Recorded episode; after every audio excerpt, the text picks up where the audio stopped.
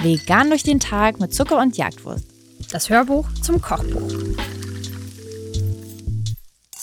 Das ist ja wohl mal ein Sonntagsessen à la Bonheur, sagt man. Sagt man das? Sagt es irgendjemand? Na, egal. ähm, aber das, finde ich, ist für im Kochbuch Sonntagsessen kommt sowas. Kartoffelbrei, klar, vegane Frikadellen kommen neben Kochbuch, wenn du Sonntagsessen suchst.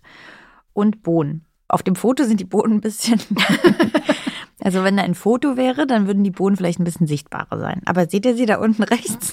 Da die sind sneaken sie. sich noch so ein bisschen rein, ne? Hm. Die sind auch da. Ja, aber ähm, man muss ja auch sagen, der Star dieses Gerichts sind schon die Frikadellen. Ähm, wir haben die hier gemacht aus frischem veganen Hack. Ähm, damit gehen die übel schnell, weil im Endeffekt vermischt ihr ja eigentlich nur dieses frische vegane Hack mit ein bisschen Zwiebelchen. Ähm, wie meine Mama sagt, Peterling, aka Petersilie. Oh. Oh. Ähm, Senf natürlich für den herzhaften Geschmack und ein paar Gewürzen. Dann braten wir das richtig kräftig an. Und ich glaube, ich kann mich jetzt nicht mehr ganz erinnern, wie ich es zubereitet habe, aber ich glaube, diese Prinzessin im Bohnen haben wir in der gleichen Pfanne gebraten. Kann das sein? Genau, erneut Pflanzenöl in der gleichen Pfanne erhitzen. Richtige Erinnerung. Bei so 100 Rezepten immer weiß man auch nicht mehr, wie man was gemacht hat. Und wir haben alles in einer Pfanne gebraten, weil ich finde das immer super traurig, wenn man für eine Soße einen neuen Topf nimmt. Also ich finde, man verschwendet dann. Bist du traurig? Ähm, mich beschäftigt das. nee, aber ich finde, wenn man Bohnen anbrät, wenn man Frikadellen anbrät, da sind so viele Aromen in so einer Pfanne. Das ist so gemein, wenn man die dann einfach mit so einem Schwamm rauswäscht und findet Soße dann einen frischen Topf nimmt, wo ja kein Aroma drin ist. Ähm, deswegen haben wir diese Pfanne für beide Sachen genutzt und haben dann am Ende eben mit diesen Bohnen dann eine Soße gemacht, indem wir dann eben so Flüssigkeiten reingerührt haben, wie eben die Gemüsebrühe, die vegane Sahne.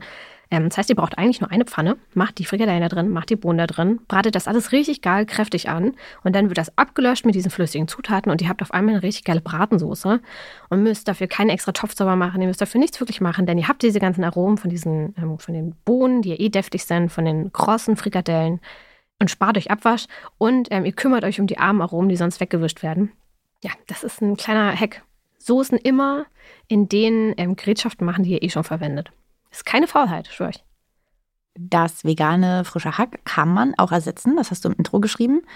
Äh, zum Beispiel mit Sojagranulat, das man ja vorher einweichen muss. Mhm. Dann drückt man das aus, damit die Feuchtigkeit wieder rausgeht äh, und das alles nicht ganz so wässrig ist. Und wahrscheinlich wäre das auch extra wichtig in dem Fall, damit die Masse überhaupt hält und nicht mhm. einfach nur auseinander geht, oder? Also du hast ja auch noch geschrieben ja. im Intro, man sollte die ganze Masse dann aber auch binden mit einem Mehl wie Kichererbsen oder Sojamehl. Genau, ich habe das ja bei den ähm, Pilzbällchen auch schon erläutert immer wenn man so Bällchen oder Frikadellen macht, muss man ein bisschen auf sein Fingerspitzengefühl hören. Also wenn ihr so eine Masse dann formt zu Frikadellen oder zu Bällchen oder zu was auch immer, wenn ihr da schon das Gefühl habt, hm, das klebt irgendwie alles an meinen Fingern, dann gebt lieber ein bisschen mehr der trockenen Zutaten hinzu. Und wenn ihr das Gefühl habt, wow, das hier ist echt sautrocken, habt ihr gar nicht das Gefühl, dass das jetzt hier eine saftige Frikadelle wird, dann gebt ihr einfach wieder ein bisschen was von ähm, den feuchten Zutaten zu, vielleicht ein bisschen mehr Senf. Ähm, vielleicht ein bisschen, ein bisschen Tomatenmark zum Beispiel. Ja, wie auch immer. Zum Beispiel Tomatenmark ist super natürlich bei so Sojagranulat, weil dann bekommt es so eine leicht pinke Farbe, was natürlich ein bisschen mehr an Fleisch erinnert. Bei dem frischen veganen Hack müsst ihr das natürlich nicht machen. Das ist eh pink, das sieht eh aus wie Fleisch. Ähm, genau, aber wir haben auf dem Blog auch ein Rezept für vegane Frikadellen aus Kidneybohnen. Das könnt ihr natürlich auch ersetzen, wenn ihr zum Beispiel kein veganes frisches Hack nehmen wollt und die Proteins, ähm, ihr wollt die Proteins haben. Ähm, ja, da gibt es verschiedene Möglichkeiten. Ihr könnt natürlich auch zum Beispiel die Bohnen austauschen. Ihr müsst das natürlich auch nicht mit Kartoffelbrei, sondern könnt das auch mit Pellkartoffeln servieren. Ähm, also da gibt es Möglichkeiten der Abwandlung. Ähm, aber so wie es jetzt hier liegt, finde ich, ist das ein richtig schönes Oma-Sonntagsessen. Dem kann ich nur zustimmen. Äh, ich habe auch zur Zubereitung, also du hast das perfekt alles erklärt, ähm, gar nichts hinzuzufügen. Möchte nur ein Funfact droppen, wie dieses Ding da, das du Frikadellen nennst, bei mir in meiner Familie, in meiner Kindheit genannt wurde. Ich komme ja aus Ostdeutschland und ich fand es immer ziemlich genial, als mir das irgendwann, als mir das eröffnet hat, weil ich bin mit einem Wort aufgewachsen, das ich gar nicht hinterfragt habe. Ich dachte, ne, wenn du Frikadelle hörst, fragst du nicht, woher kommt denn das Wort Frikadelle? So habe ich es auch nicht ähm, hinterfragt, bis ich dann irgendwann mal Englisch gelernt habe und gemerkt habe, dass man diese Art von Frikadelle auch so Beefsteak teilweise nennt. Und im Osten hat man einfach gedacht, naja klar, das Ostdeutschen wir ein, das heißt Besteck. Und bei uns heißen die Befsteck.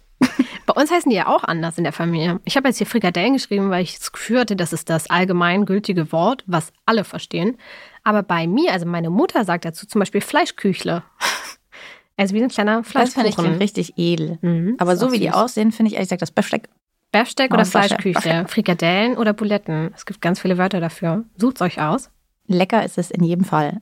In Klammern, solange es vegan ist.